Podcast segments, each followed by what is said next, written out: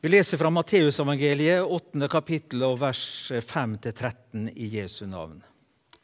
Da Jesus gikk inn i Kapernaum, kom en offiser til ham og ba om hjelp. 'Herre', sa han, 'tjenestegutten min ligger lam hjemme og har store smerter.' Jesus sa, 'Jeg skal komme og helbrede ham.' Offiseren svarte, 'Herre, jeg er ikke verdig til at du kommer inn under mitt tak.' Men si bare et ord, så vil tjenestegutten min bli helbredet. For jeg står selv under kommando og har soldater under meg. Sier jeg til én, gå, så går han. Og til en annen, kom, så kommer han. Og til min tjener, gjør dette, så gjør han det. Jesus undret seg da han hørte dette, og han sa til, fulgte, til, dem som fulgte ham, Sannelig, jeg sier dere, en slik tro har jeg ikke funnet hos noen i Israel. Det sier jeg dere, mange skal komme fra øst og vest og sitte til bords med Abraham og Isak og Jakob i himmelriket. Men rikets barn skal kastes ut i mørket utenfor, der de gråter og skjærer tenner.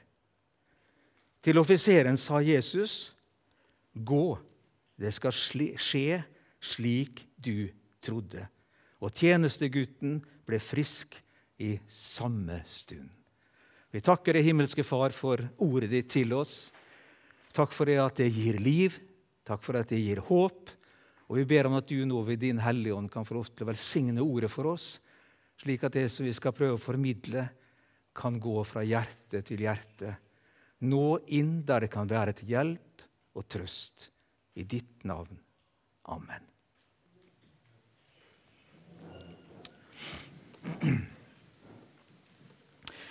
Teksten som vi har lest sammen nå, den eh, er på mange måter eh, lik mange av de fortellingene vi finner i Det nye testamentet om Jesus som helbreder syke. Vi har mange fortellinger i evangeliene der Jesus går rundt og gjør godt og hjelpe mennesker som er i nød, og helbrede syke, ja, til og med vekke opp døde. Og likevel det er noe spesielt ved denne teksten som vi har lest her. For det første så legger vi merke til at det er en offiser i den romerske hær, altså okkupasjonsmakta, som kommer til Jesus. Og Jesus tar imot ham. Teksten sier ikke noe om det, men jeg kan tenke meg at flere av disiplene stussa, ja, kanskje reagerte. Tar han imot også en romersk offiser, en som representerer okkupasjonsmakta? Og De tenkte jo det at, eh, de håpte jo det at Jesus som Messias han skulle frigjøre Israel som nasjon og frigjøre nasjonen fra okkupasjonsmakta. Men her tar altså Jesus imot denne offiseren. For Jesus han hadde et større sikte for sin virksomhet. Ikke bare Israel som nasjon, og det kommer vi tilbake til senere i teksten også. Ikke bare som Israel som nasjon, men Guds rike skulle nå ut til alle mennesker. Alle nasjoner. Og være åpen for alle mennesker. Det er en nød som ligger på Guds hjerte. Det er en nød som ligger på Jesus' hjerte. At han ønsker å nå ut til alle mennesker og til alle nasjoner. Og Ikke nok med det at Jesus tok imot ham, men det var noe spesielt med denne offiseren. Han hadde som, som offiser omsorg for en av tjenesteguttene sine. Det var et fint trekk ved denne offiseren. Det er ikke alle offiserer som, hadde brydd seg om det at tjenestegutten lå hjemme og, og, og, og var lam og, hadde store smerter. Kanskje noen av offiserene i den romerske her ville sagt at ja, han er udugelig. Han bare skyver ut, han kan ikke bruke lenger. Vi må ha med en ny tjenestegutt. Men denne offiseren han, han gikk eller han hadde omsorg for sin slave, som han antagelig var. At han skulle bli frisk Og Dessuten så viser også denne offiseren i praksis ei tru som Jesus ikke bare anerkjenner, men som var av en slik karakter at han ikke hadde sett ei slik tro i hele Israel. At alle jødene han hadde møtt på sin vandring, det var ingen som viste en slik tro som denne offiseren fra den romerske hær. Hva var det med denne offiseren? Hva var det med denne offiseren og hans tro? Og Det er det første vi skal prøve å berøre i denne teksten. Det er tre ting vi skal prøve å berøre, så får vi prøve å følge med på hvor vi er i tallet etter hvert. Men det første så ser det, ser det ut til at denne offiseren må ha forstått hvem Jesus var. At han kom fra Gud. For det skulle jo være naturlig for en offiser når han kontakt, tok kontakt med en omreisende mirakelmann, fattig mann, som ikke eide noen ting, og eh, henvendte seg til han, så skulle han gjøre en holdning som han bevisst sin status i forhold til denne fattige snekkersønnen fra Nasaret. Han måtte jo vite at han var en offiser. Men så ser vi altså at denne offiseren viser en enorm ydmykhet overfor Jesus, og som i praksis setter Jesus mye høyere enn seg sjøl. På Jesus' sin respons om at han ville bli med han hjem og gjøre den syke tjenestegutten frisk, så titulerer denne offiseren Jesus som herre. I forhold til seg sjøl. Herre! Og så sier han 'Herre, jeg er ikke verdig til at du kommer inn under mitt tak'. Jeg tror at den som står imot, sto rundt Jesus, stussa enda mer. For du verden, denne offiseren, som har en sånn rang i den romerske hær Og så kommer han her ydmyk for Jesus og sier at han ikke engang verdig til å komme inn under hans tak. Han satte Jesus mye høyere enn seg sjøl. Det står ikke rett ut, men han må ha forstått hvem Jesus var, og hvem han representerte. Og det gjorde han ydmyk. Og den som får møte Jesus, som den han virkelig er, som Guds sønn, som er kommet til jord for å frelse oss fra våre synder, ja, den som får møte Jesus, blir ydmyk. Det skaper en ydmykhet i våre hjerter når vi får møte Gud i hans storhet, Jesus i hans storhet. Videre så viste han en veldig tillit til Jesus, denne romerske offiseren. Han sier, 'Si bare et ord.' Men si bare et ord, så vil tjenestegutten min bli helbredet.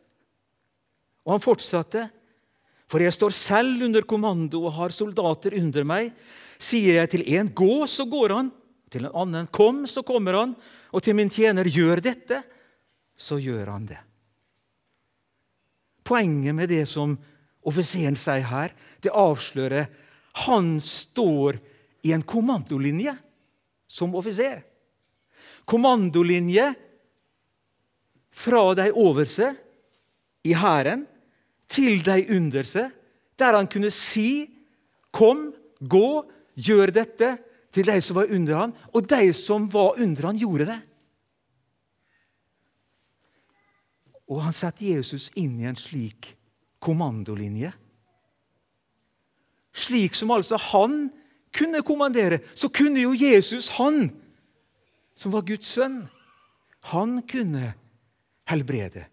Han kunne gjøre det som han ville, og som han hadde makt til. Og Derfor så kunne han også helbrede tjenestegutten med bare et ord. Det er dette som gjør at Jesus roser denne offiseren sin tro. At han så hvem Jesus var. Han så det at Jesus hadde sin, sitt oppdrag på en måte som gjør at han kunne gjøre denne tjenestegutten frisk. Vi skal komme litt tilbake til denne troen, hva som kjennetegner denne troen. Men her bare se det at han hadde en grunnleggende tillit til Jesus som gjorde at han kom til Jesus med sykdommen. Med det som var vanskelig for han. Og det skal vi også få gjøre. Vi skal få lov til å komme til Jesus med det som plager oss. Når vi blir syke, da tar vi en telefon til legesenteret. Og så får vi oss en time. Noen av oss er kanskje litt tregere til å gjøre det. og de som er vår bedre halvdel, maser litt på at vi må gjøre det, for at vi er litt sein kanskje til å gjøre det. Men i alle fall kan vi ta en kontakt med legesenteret, og vi får en time. Og så blir vi, eventuelt får vi medisin av fastlegen, får en diagnose. Eller vi kan også bli sendt videre til sykehuset. Og I forhold til det at Jesus kan helbrede, så er det ikke noe galt i det. At vi går til legen, at vi går til legesenteret, at vi får hjelp på den måten. For det er i, grunn, i bunn og grunn så er det Gud som har gitt oss den tankekapasiteten i vår hjerne som gjør det at noen kan forske på ulike områder av som av verden som vi lever i, også innenfor medisin, og utvikle medisiner imot ulike sykdommer. Uten Gud hadde ikke det vært mulig. Ja, Faktisk kan vi sette det på spissen og si det slik at ja, uten Gud så hadde det verken vært leger eller pasienter. Det hadde ikke vært mennesker. Det hadde ikke vært en skapelse. Det hadde ikke vært en skapning. Så vi kan gå til legen når vi blir syke, og godt til det.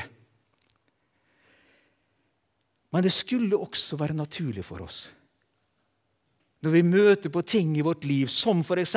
sykdom. Det skulle være naturlig for oss også å gå til Jesus med det som er vanskelig. Også med sykdom. Og slik legge alle ting framfor Han i bønn. Vi har et direkte ord om det i Bibelen. I Jakobs brev 5,14 så sier det er noen blant dere syke.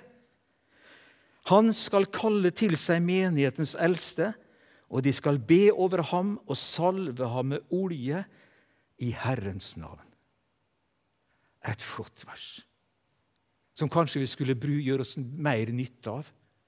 Jeg tror nok det at det skjer en del av det i det stille, uten at vi ser så mye av det.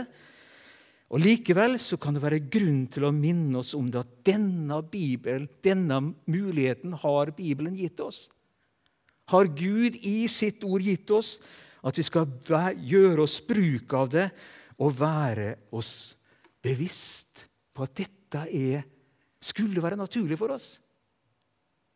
Når du møter en situasjon, ta kontakt med noen du har tillit til i forsamlinga, i menigheten. Det kan være pastor, eller det kan være andre. Og så er det noen som ber for deg og salver det i Jesu Kristi navn og ber om helbredelse. Vi skulle være frimodige til å gjøre det. I tillit til at Jesus faktisk har makt til å helbrede. Han kan gjøre under iblant oss. Han kan gjøre under i våre liv. Han kan vise sin makt også på den måten. Og mange tror jeg også har fått hjelp til å gjøre det til å bli bedt for og salva på den måten, og for å få hjelp også til å bære sin sykdom. At de fikk hjelp til å legge sin situasjon framfor Gud. Og vite det, at det er Guds hender. Uansett så er jeg Guds hender med mitt liv. Så jeg kan være trygg midt i min sykdom.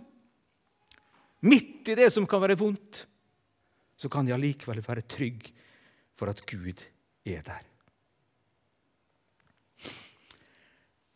Og samtidig, som vi, hvis vi skal være ærlige, og det skal vi helst være, så reiser denne fortellinga her,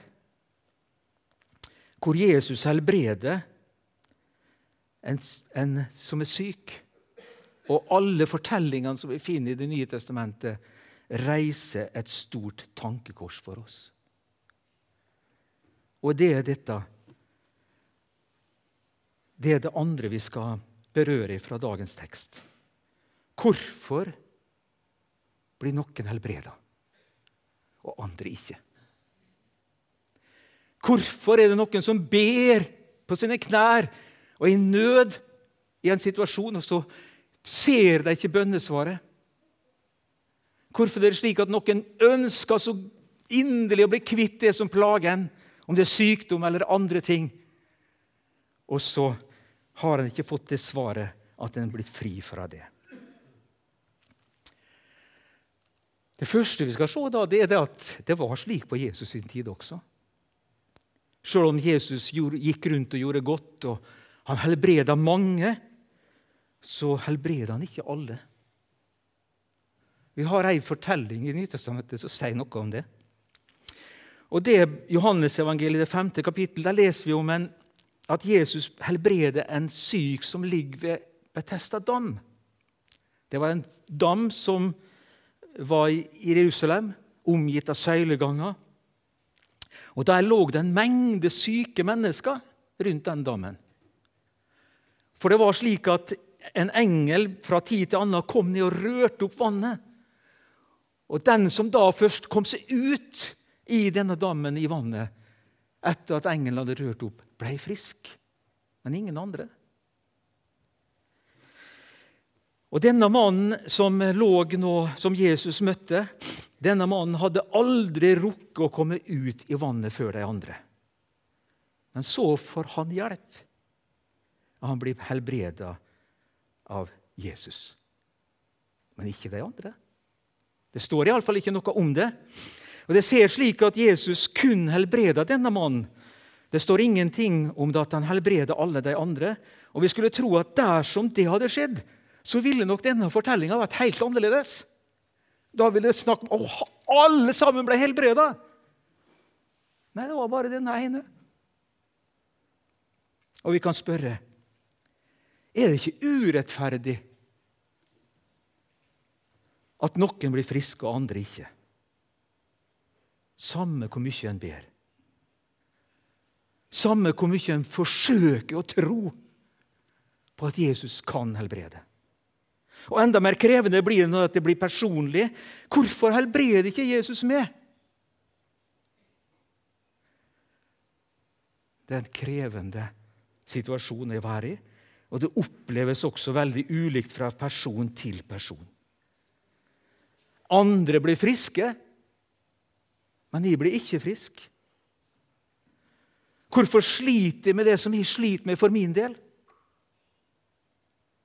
Hvorfor kan han ikke hjelpe meg også når han hjelper andre? Er det med det noe galt med? Har jeg for lite tro? Er det tro det kommer an på, jf. vår tekst, som Jesus berømmer denne offiseren sin tro? Var det derfor han ble helbreda? Og at de har for lite tro? Eller favoriserer Jesus rett og slett noen i forhold til andre mennesker? Ja, faktisk disse fortellingene om Jesu helbredelse kan bringe, det bringer et godt budskap til deg som det gjelder. Men reiser også et vanskelig spørsmål. Hva med de som ikke blir friske? Hvorfor helbreder ikke Jesus alle sammen?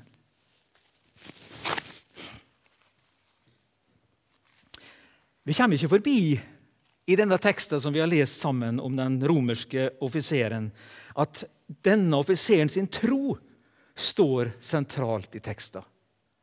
Ja, den berømmes fra Jesus' side. Men likevel tro er aldri i Bibelen forstått som noe vi skal prestere sjøl. Forstått slik at Jesus gjerne vil helbrede fra sin side, men at vi må fremskove en tro som er stor nok til at Jesus kan se det verd godt nok til at han skal komme med sin helbredelse. Er det slik? Nei. Det står ingenting i Bibelen om det. Vi så at denne offiserens tro ikke var noe han sjøl presterte, egentlig. Men han hadde fått tillit til Jesus. og derfor han kom. Han hadde fått tillit til Jesus som gjorde at han trodde det at han kunne hjelpe han. Og det var en tillit som var skapt hos han, ikke noe han hadde forsøkt å få til. Det går ikke an å prøve å få til en tillit, å prestere en tillit. Den må skapes, den. Han viser ikke heller til sin egen tro, men han viser i praksis en tillit til Jesus.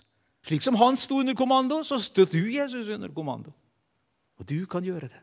Du har makt til det, betyr det. Og det er troen sitt vesen. Det er tillit. En tillit som Gud ved Den hellige ånd skaper i våre hjerter. En tillit til Jesus som vi får i møte med Jesus. Der skapes denne tilliten.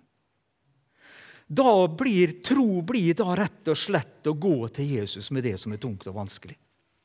Vanskelig, Verre er det ikke. Det er rett og slett at jeg har fått en tillit til Jesus som gjør at vi kommer til Han med det som er vanskelig. Kommer til Han med det vi kjenner på i våre liv som vi sliter med. Og det viktigste blir da egentlig ikke om Jesus helbreder eller ikke. Men da blir det viktigste at vi er i Herrens hender med våre liv. Uansett hvordan vi har det, så skal vi få lov til å være i Guds hånd. Guds allmektige hånd. Uansett om han helbreder eller ikke. Kanskje vi kan sette det på spissen litt også og si det på den måten at, at kanskje er det slik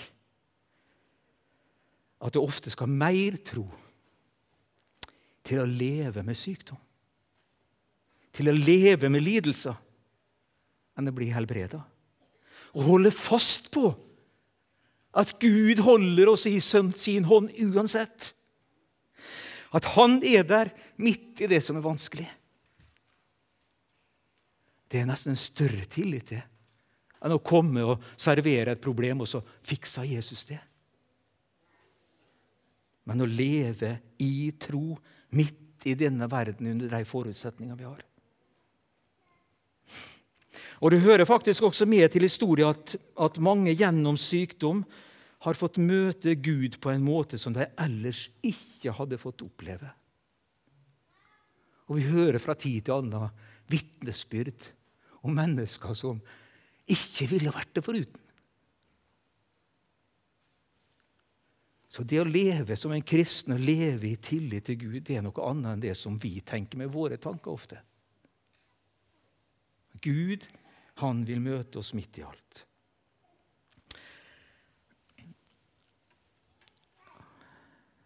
Sykdom, lidelse, nød og smerte, ja, død, vil alltid være en del av vår tilværelse så lenge denne verden består. Og Det at synda kom inn i verden med de to første menneskene på jorden og senere har, har spredt oss til hele verden, og har skada Guds skaperverk på en helt grunnleggende måte. Men så vet vi at en dag En dag så skal Han fri oss ut fra denne verden og sette oss inn i sin, ny, sin nyskapte verden, hvor alt som ble ødelagt, blir gjenoppretta, og vi får det nye, blir nye, fullkomne skapninger i en fullkommen tilværelse. Det er det målet Gud har for oss. Det er der han først og fremst viser sin makt. Og da skal vi alle sammen bli fri fra sykdom, smerte, lidelse og sorg. Når vi ser det slik, så blir fortellingene om Jesus som helbreder mennesker, et glimt av noe vi alle en dag skal få del i. På den måten blir det for oss både et allerede og et enda ikke. Jesus har allerede den makt som skal til for å gjennomrette alt. Den vant han på Golgata. Han har allerede makt, den makt som kan helbrede alle mennesker, gjøre godt for alle mennesker. Og det er enkelthelbredelsene i vår tid og på Jesu tid et vitnesbyrd om. Mens hans makt kommer fullt og helt først til uttrykk når det fullkomne Guds rike opprettes. Helbredelsene som skjer, blir da som et pant på at han har all makt til å gjøre det, og som et pant på at det en dag skal skje med oss alle sammen. At vi skal bli fri, det som tynger oss. Da skal den krumbøyde gå med rak rygg. Da skal den blinde fullt ut få se og, og oppdage Guds fantastiske, nyskapte verden i den nye verden. Da skal den lamme springe omkring og hoppe og danse av glede. Da skal den døvstumme både få høre og delta i lovprisningen av Han som sitter på himmelens trone. Da skal den som sliter med psyken og med tanken, og i dag opplever livet som vanskelig og tungt, for alltid være fylt av bare glede og takk.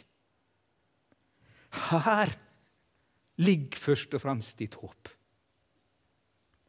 Her ligger først og fremst det som skal gi deg frimodighet til å holde ut også sjøl om det at du opplever det vanskelig i ditt liv. For en dag skal Han fri oss alle sammen ut. Og dette er det håpet som kan fylle oss med lovsang og takk, sjøl om vi opplever det vanskelig i våre liv. Lovsang på tross, for at jeg veit hva jeg eier i Jesus Kristus. Lovsang og takk. Og så Det siste som vi bare helt kort skal berøre helt til slutt, det er at Guds rike også sprenger grenser. Det tredje det, Guds, det står om den romerske offiser som viser et større tro og har mer tillit til Jesus enn det noen av, de, av, av jødene har vist.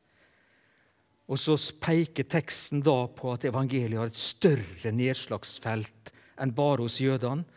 Ja, det gjelder alle folkeslag som vi leste. Det sier jeg dere, mange skal komme fra øst og vest og sitte til bords med Abraham og Isak og Jakob i himmelriket. Men, Gud, men rikets barn skal kastes ut i mørket utenfor, og der, der de gråter, gråter og skjærer tenner. Vi ser det at jødene dessverre forkasta evangeliet. At, at hedningene tar imot i mye større antall. Men det at jødene forkasta Jesus, betyr ikke at Gud har gitt dem opp. Det sier Paulus noe om i Romerbrevet 11. og I det 12. verset så står det når deres fall har ført til rikdom for verden og deres tap til rikdom for de andre folkene, hvor mye mer skal det ikke da det bety at de kommer med i fulltall? De skal komme snart en dag der de ser at Jesus er Messias. Men her i vår tekst så er poenget at evangeliet er for alle. Og også i dag så gjelder det samme. Evangeliet er for alle. Det tok 1000 år før evangeliet kom til våre breddegrader. Og 1000 år etter så er det fortsatt folkegrupper og språkgrupper som ikke har fått høre om Jesus. I dag så er det ditt og mitt ansvar. I dag så er dette mitt og ditt, din utfordring.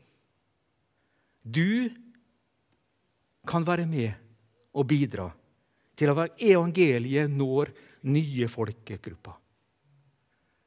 Og Vi har lest om at denne høsten så sender NLM ut, eller Misjonssambandet, så nå bare brukes som, som navn på det, Misjonssambandet ut 40 mosjonærer som nettopp bidrar til at evangeliet skal nå nye folkegrupper.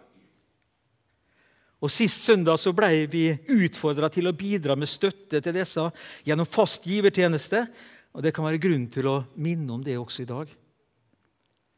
Bak her så ligger det en liten flygeblad om fast givertjeneste. Hvis du ikke er med på det, kanskje du skulle begynne nå. For at evangeliet har hast. Evangeliet skal ut. Det må ikke gå 1000 år til alle, før alle folkegrupper er nådd med evangeliet. At du kan være med å bidra gjennom fast givertjeneste og støtte de som skal være utsendinger for Misjonssambandet også. Så mange som mulig må bli kjent med Jesus og få tillit til han, slik den romerske offiseren fikk tillit til Jesus. Så mange som mulig må få del i det evige livet og det fullkomne Gudsriket. Og vi skal sørge for at det skjer. Ikke uten Guds hjelp. Det er det Gud som, som skaper den veksten, men han har bedt oss om å gå.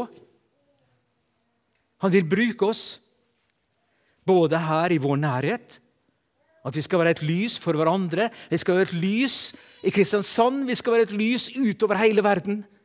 Det er mottoet vårt her i Misjonshuset. Og så er spørsmålet er du med. Er du med på det? Kanskje sitter du her, du som Gud kaller til å reise ut. Til en folkegruppe som ikke er nådd ennå. Er du villig til det?